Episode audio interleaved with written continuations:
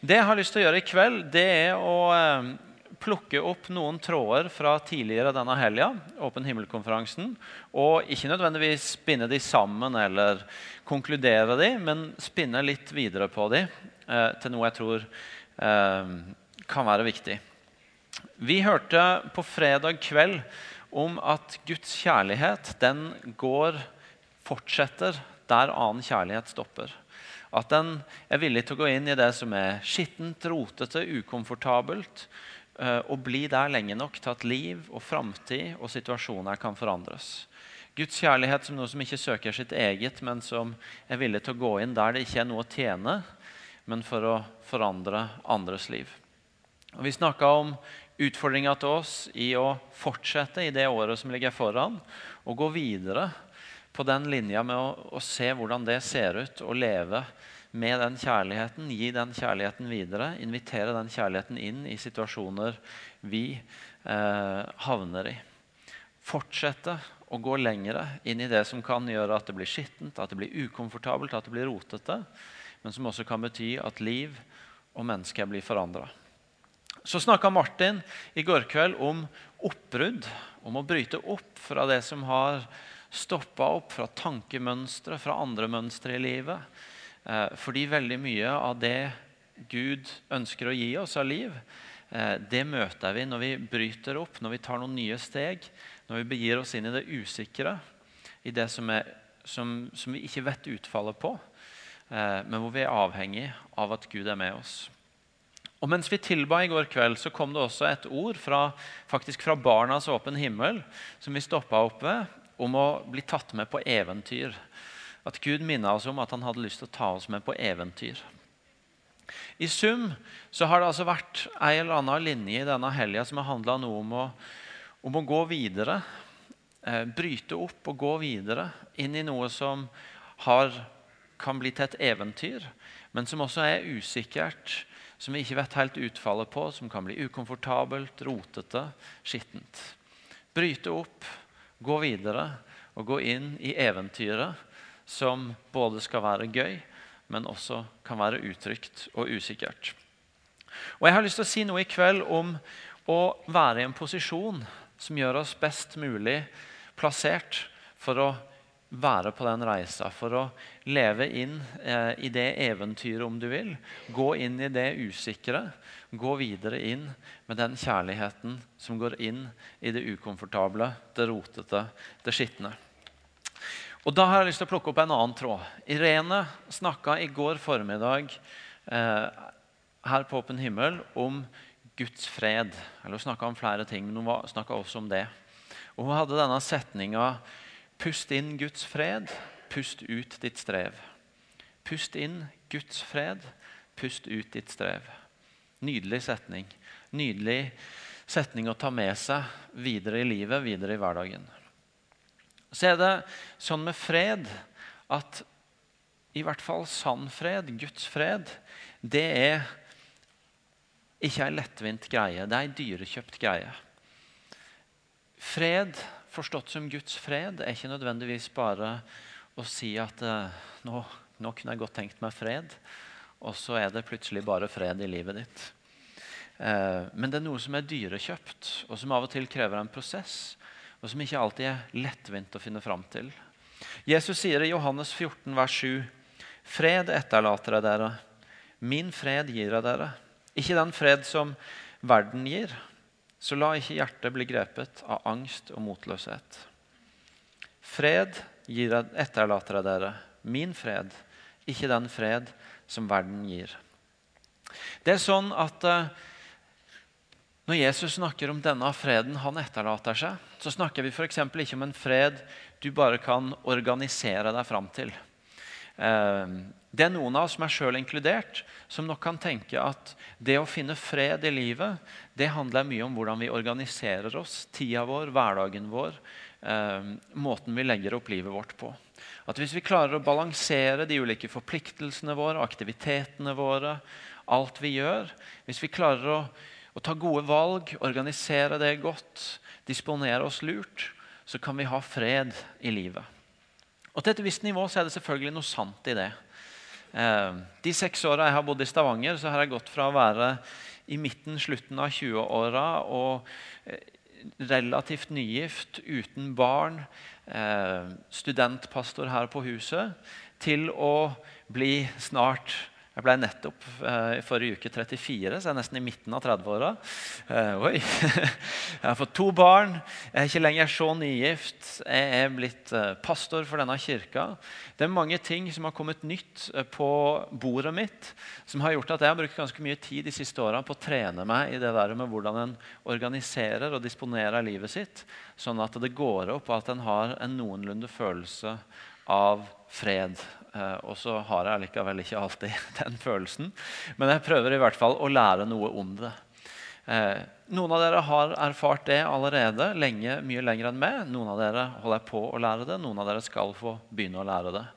Og det er bra, og det er mye lurt i det. Og det er sånne ting en er nødt til å jobbe med. Allikevel, når Jesus snakker om en annen fred enn den verden gir, fred som overgår all forstand, så er det en annen fred enn den jeg klarer å organisere fram ved å ta gode valg i livet mitt.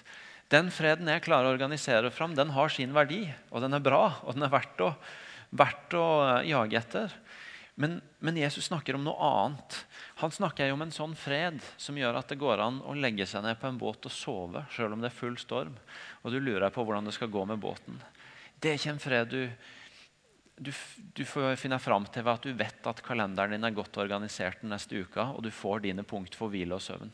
Det er en annen form for fred Jesus snakker om når du kan ligge og sove midt i en storm.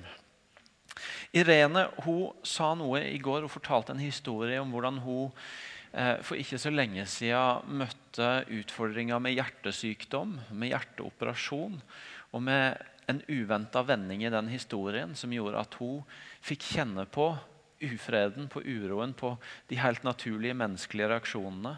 På å eh, kjenne at jeg, jeg, har ikke kontroll på kroppen min og på hva utfallet av denne situasjonen blir.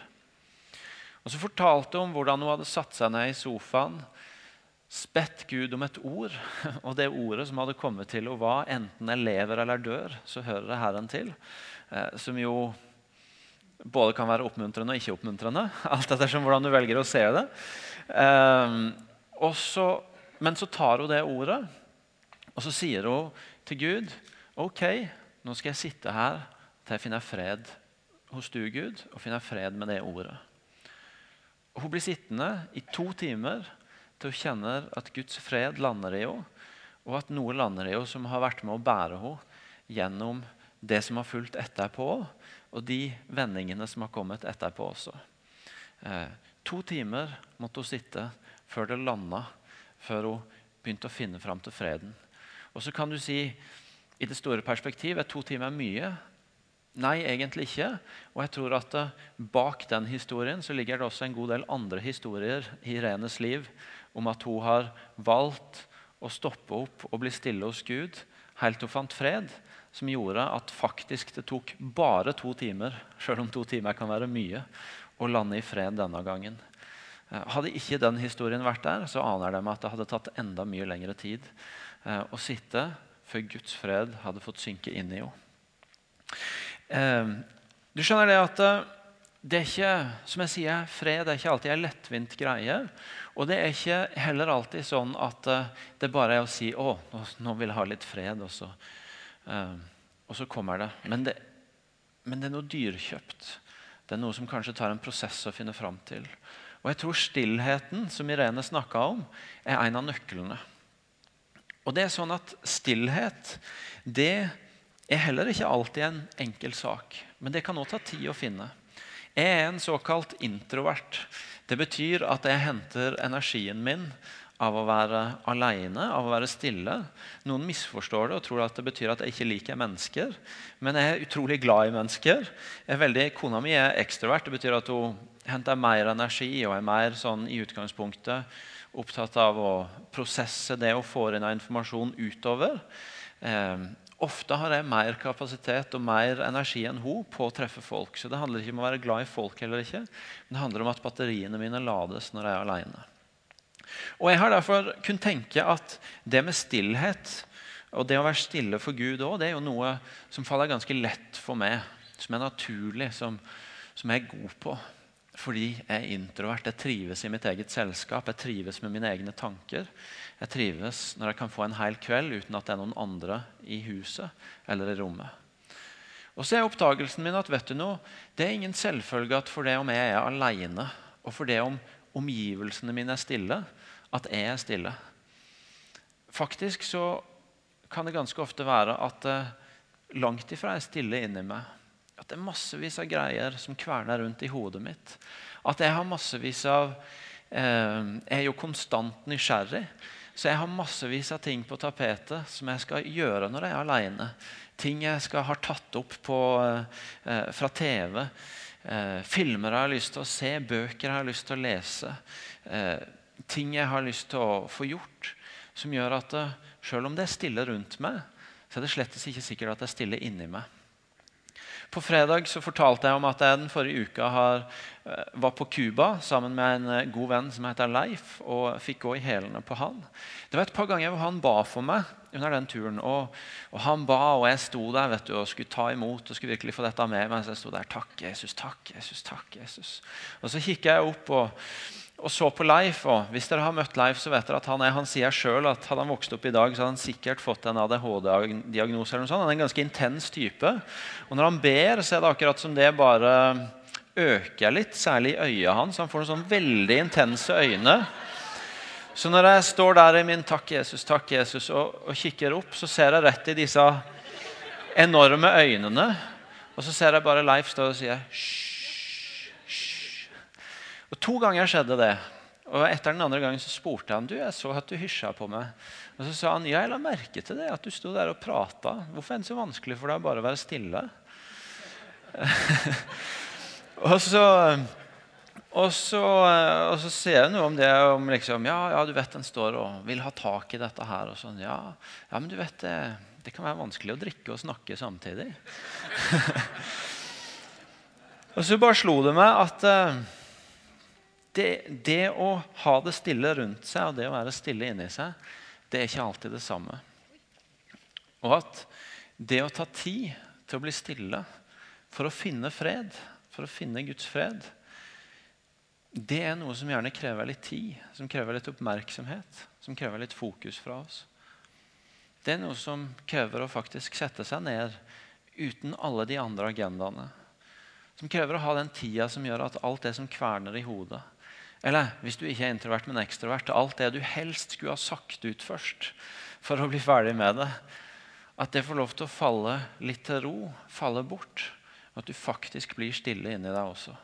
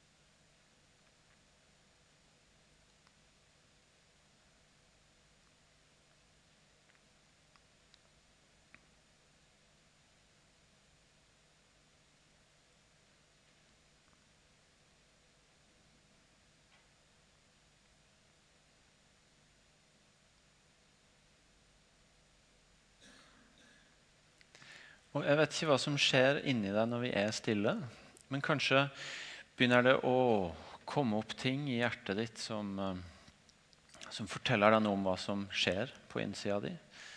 Kanskje syns du det er deilig befriende. Kanskje er det ukomfortabelt.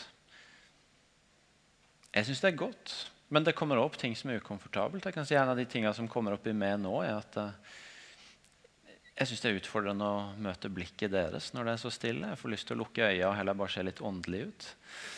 Eh, kanskje dukker det opp andre ting i du. Og veldig ofte så er de tinga som kommer opp da, det er gode utgangspunkt for Gud til å begynne å gjøre ting i hjertet ditt og gjøre ting i livet ditt som leder deg på veien mot fred. På fredag så leste vi et vers fra Salme 34 som eh, sier at Herren er nær hos de som har et nedbrutt hjerte. Han frelser de som har en knust ånd. Eh,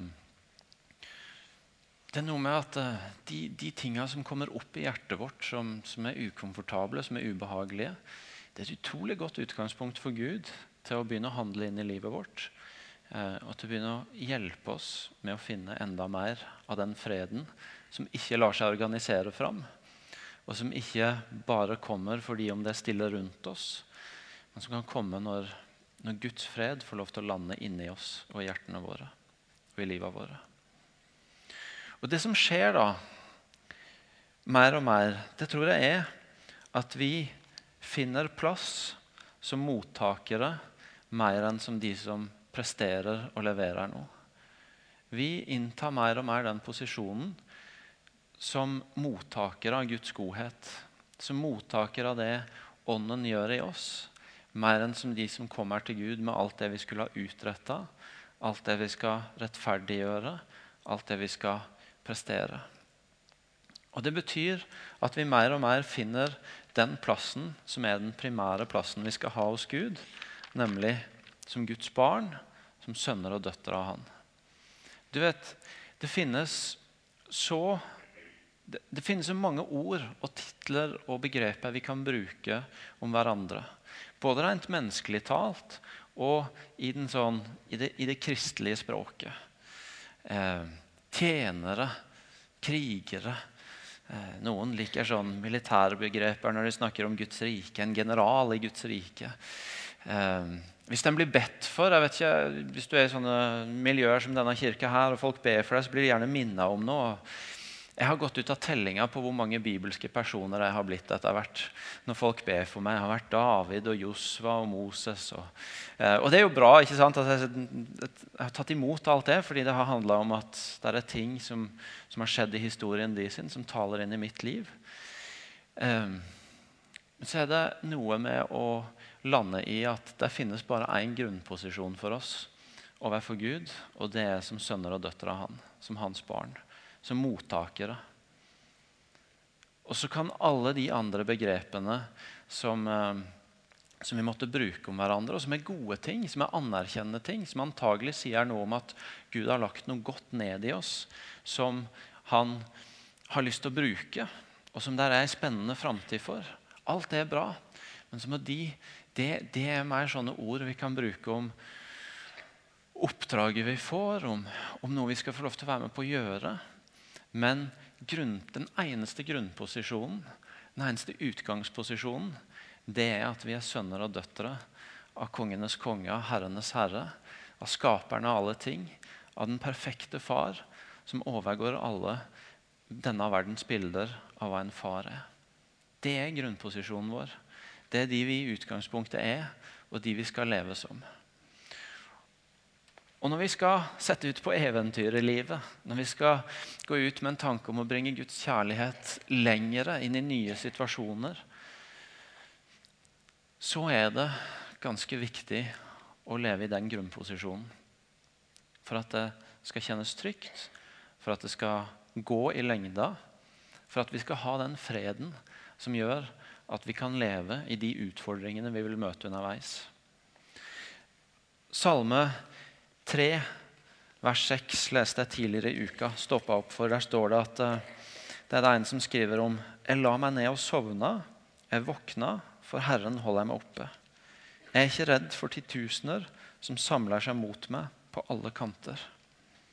Det der å kunne legge seg ned og sove å vite at du våkner igjen selv om det er fiender rundt deg på alle kanter. Fordi du har fred med at Gud er med deg. Er hans sønn eller hans datter som han har behag i. Og det er det først og fremst det. Ikke tjener eller kriger eller eh, hva det nå måtte være.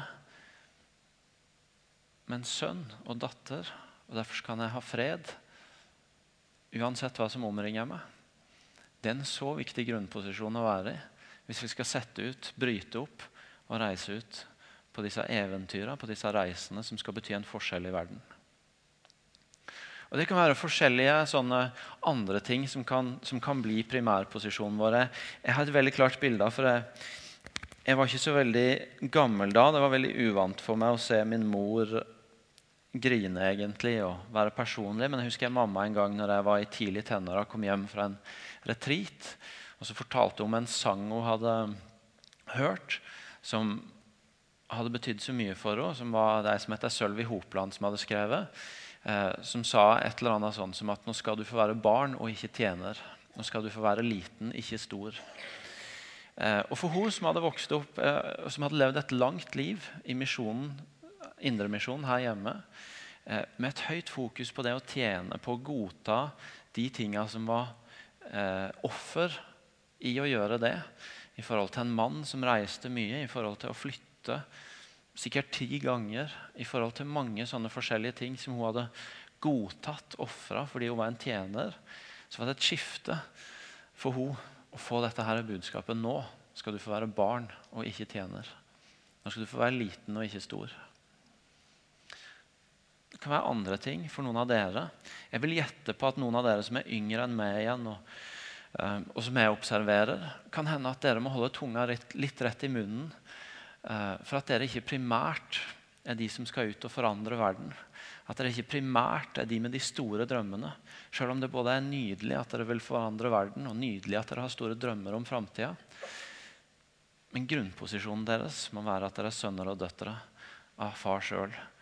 Eh, hvis det skal gå bra i lengda, hvis ikke dere skal måtte skrive nye sanger om at nå skal du ikke få være world changer, men barn.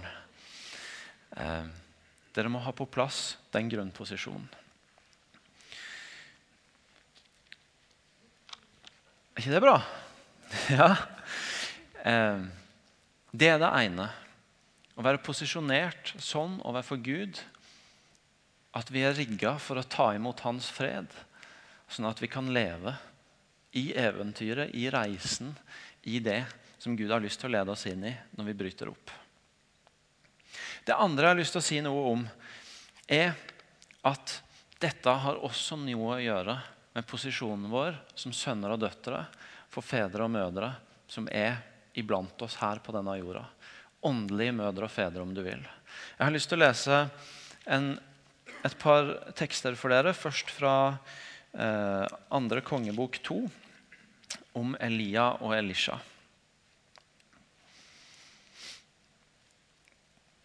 Fra vers 1 der så står det om Den gang Herren tok Elia opp til himmelen i en storm, gikk det slik til.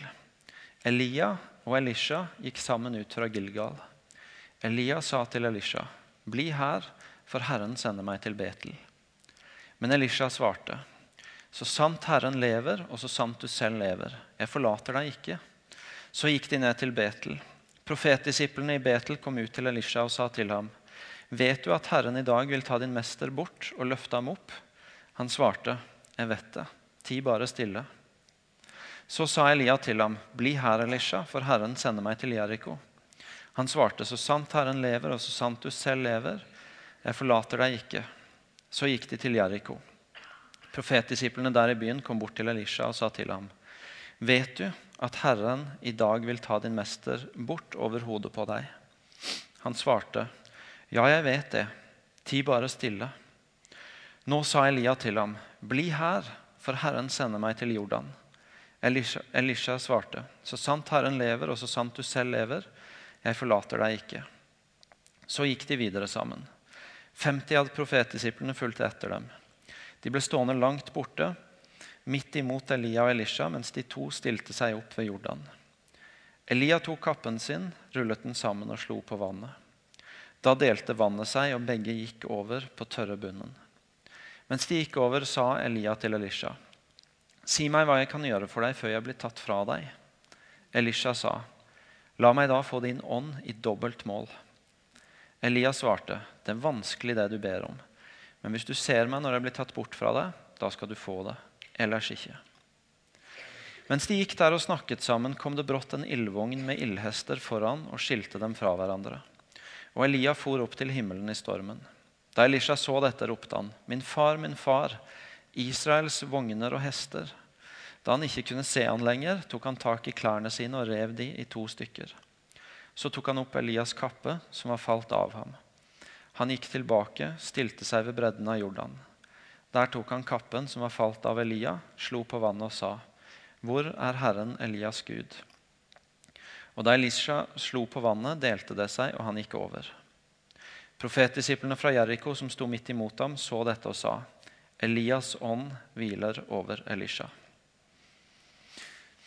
Elisha som en som går i lære hos profeten Elia, som en som, om du vil, er en sønn av han. Han kaller også i denne teksten Elia for far.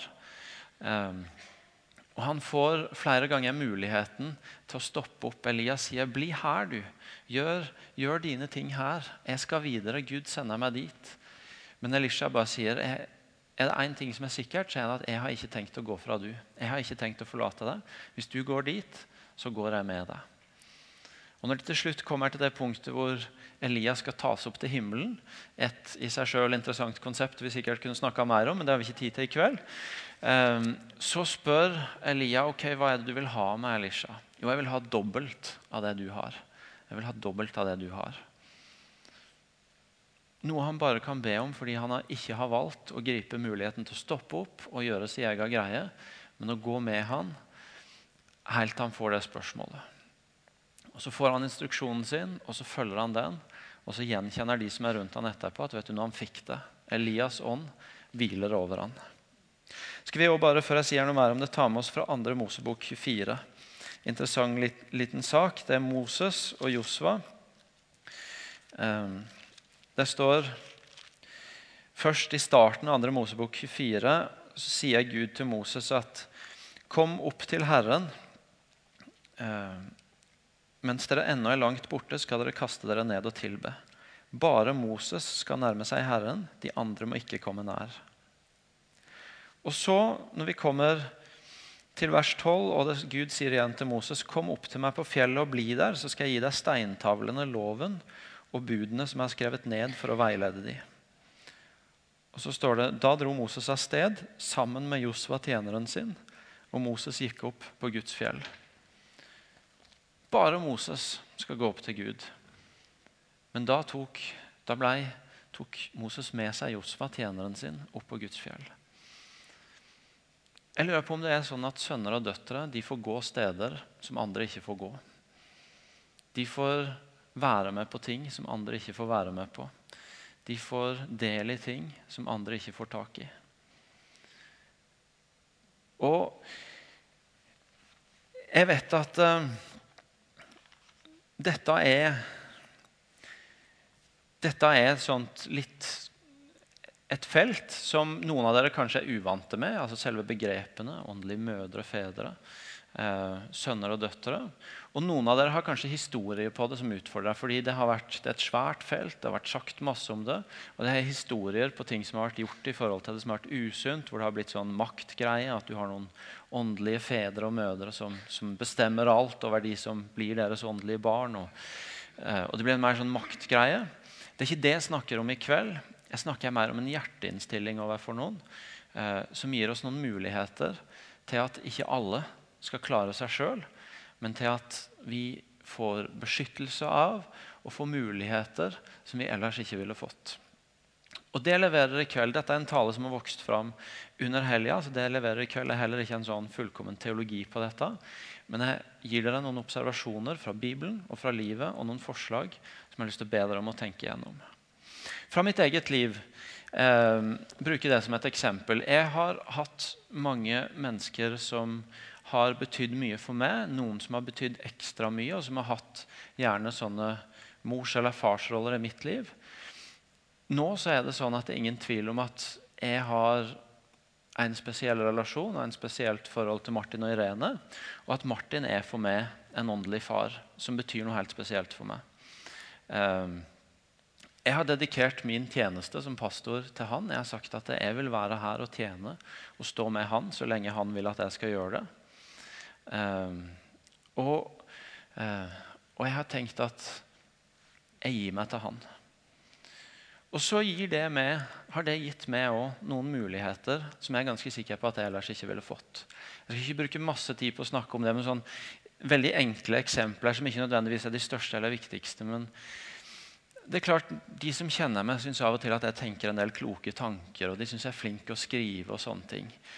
Det, er ikke noe forlag som hadde gått og gitt ut ei bok med Egil Elling Ellingsen per nå og trodd at det ville selge noe i seg sjøl. Men fordi jeg får lov til å tjene sammen med Martin, så fikk jeg i sommer lov til å være med på eh, å gi ut min første bok. Fordi han har den tilliten. Han har åpna ei dør som jeg fikk lov til å være med inn i.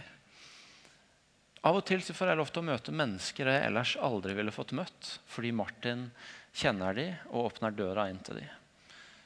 Jeg får lov til å være pastor i denne kirka den eneste grunnen til at dere tør å stole på meg i det, ved siden av at dere etter hvert begynner å kjenne meg og kanskje like meg, er jo at Martin har lagt korta sine på bordet og sagt 'jeg stoler på han'. Og dere stoler på Martin. og Derfor så tør dere òg stole på meg.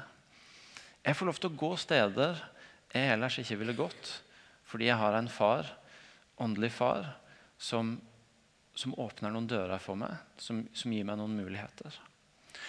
Og så snakker ikke jeg nå om en, som jeg sier, om en sånn der eh, blind lojalitet, blind lydighet, alt er rosenrødt, eh, perfekt relasjon.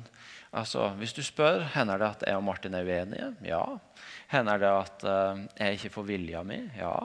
Hender det at jeg sier ting, har sagt ting til Martin som jeg måtte be om unnskyldning for etterfor. Ja. Eh, hender det at jeg har måttet gå noen turer for å kjølne hodet mitt litt og minne meg sjøl om hvorfor jeg gjør dette, og hva som er holdninga mi? Ja.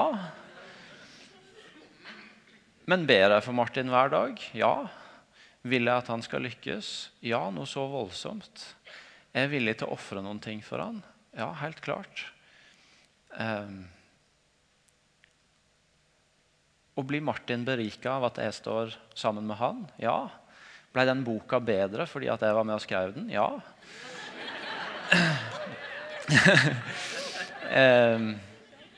lærer Martin nye ting av meg? Ja, helt klart. Snakker ikke om en sånn enveisrelasjon. Snakker ikke om noe klamt. Jeg snakker ikke om noe som liksom, Vi satte oss ned og skrev en avtale, og så prøver vi å holde oss til den. Jeg snakker om noe som har vokst fram ut fra en hjerteholdning overfor hverandre. En dedikasjon som vokser fram overfor en hjerteholdning til hverandre. Dette handler om hvordan vi plasserer oss sjøl overfor hverandre. Om å plassere oss i en posisjon hvor vi, hvor vi, dedikerer oss til noen. Hvor vi har en tanke inn i en relasjon om hvordan, hvordan kan jeg gi verdi til han eller hun. Hvordan kan jeg være med å tjene der? Hvor vi har en holdning av at vet du noe, for det om han eller hun ikke er perfekt, for det om det kommer en konflikt, så har vi tenkt å stå sammen.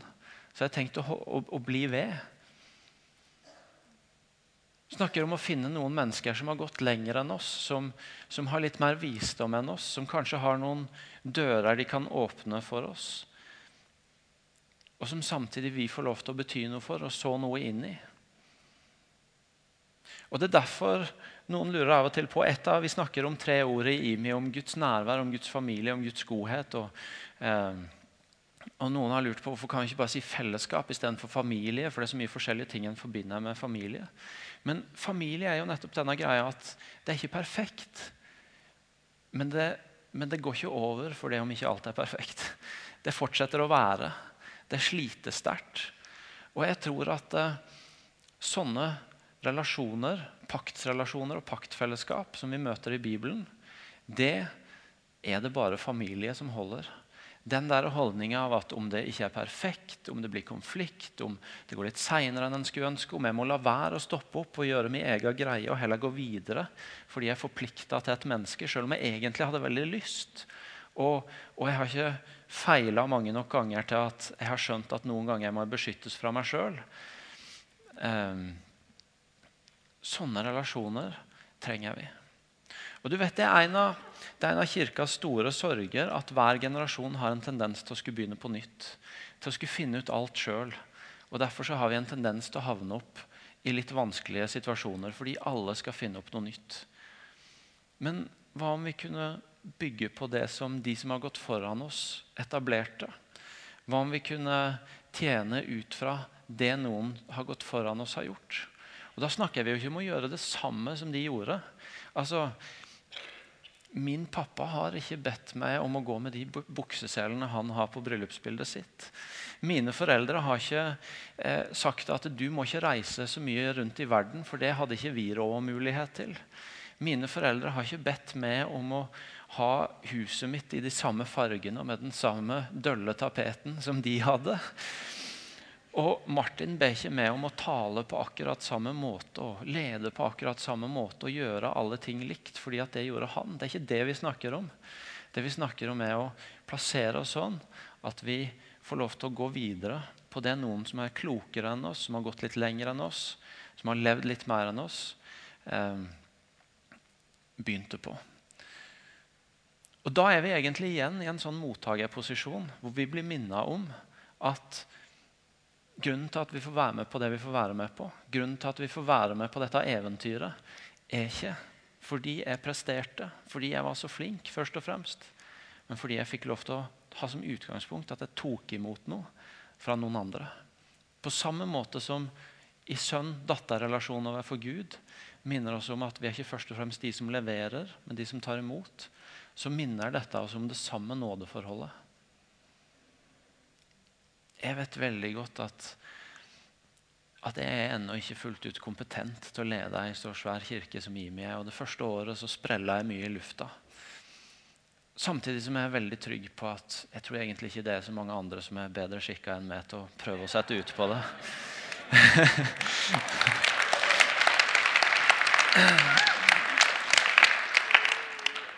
Og det å være i den posisjonen istedenfor å stikke av gårde og plante noe sjøl og prøve å skape det som var perfekt i mitt bilde, det minner jeg meg om at jeg får lov til å ta imot. Jeg er her fordi jeg tar imot, ikke fordi jeg presterer, først og fremst.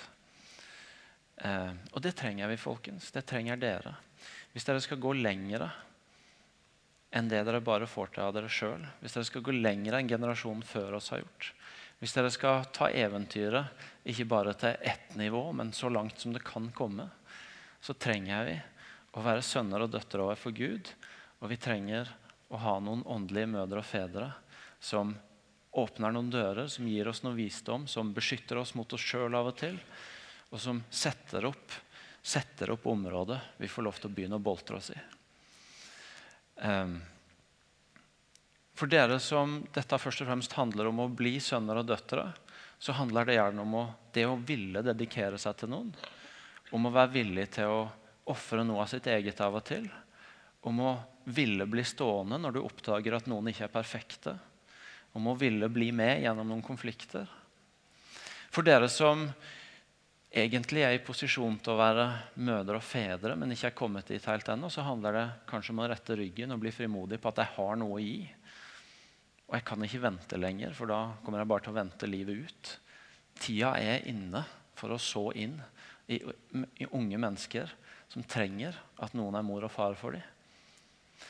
Og Kanskje er den andre utfordringa at du ikke helt har lært deg sjøl har lært å være sønn og datter ennå. At du ikke sjøl har posisjonert deg sånn overfor noen åndelige mødre og fedre at du egentlig vet helt hva det innebærer, fordi du heller har villet gjøre dine egne greier. Og da kan det være at en av de to utfordringene er det du skal deale med. Nå har jeg talt lenge, så jeg må stoppe.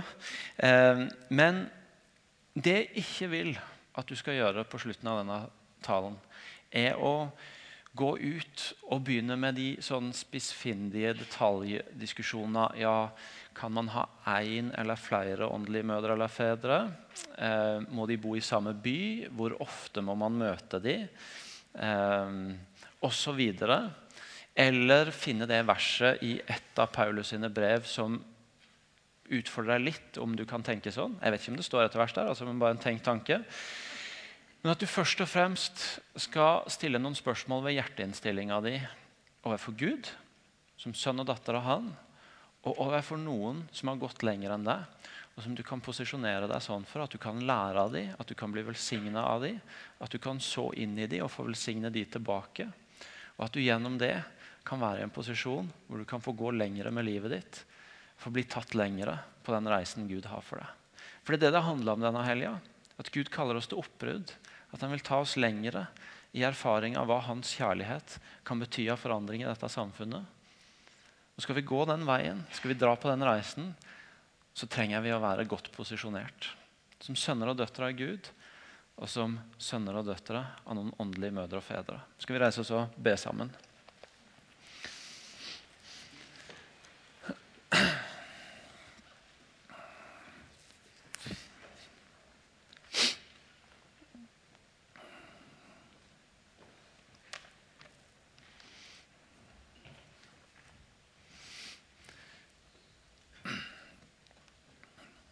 Far, jeg har lyst til å begynne med å be deg for alle her inne som trenger å få eh, posisjonert seg på nytt i, i relasjon til du.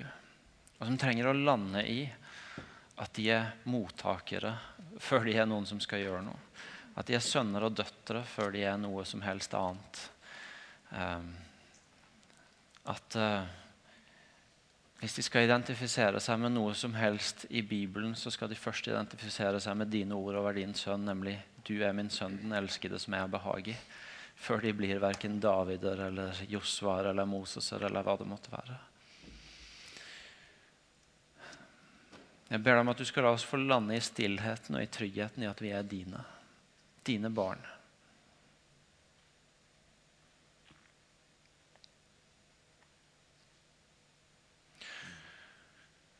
Og så ber jeg deg om at du skal lære oss mer om dette med å være åndelig familie, med å være sønner og døtre og mødre og fedre. Som setter opp trygghet og visdom og muligheter som gjør at vi kan gå lengre som kirke. Og som gjør at vi kan gå tryggere som dine barn. Det står i ditt ord om at eh, sønnenes hjerter Nei, nå ble jeg i tvil. Nå kan hende jeg ber feil. Er det fedrenes hjerter som vendes mot sønnene, eller omvendt? Det er begge deler. Ok, ja, men Da kan jeg trygt be. Eh, det står i ditt ord om at hjertene til fedre og sønner, og vi sier også mødre og døtre, vendes mot hverandre. Og Vi ber deg om at det skal få skje i denne menigheten og hos de menneskene som er her, som representerer andre sammenhenger. Mm. Vi ber deg om at du tar oss ut på en læringsreise hvor det vi ikke har skjønt om dette og vet om dette, det skal vi få lov til å lære om. Mm. Takker deg for at i, i alt, i begge deler, så lærer du oss om nåde. Du lærer oss om å være mottakere. Du lærer oss om å operere ut fra en posisjon hvor vi ikke begynner med å prestere, men hvor vi begynner med å motta.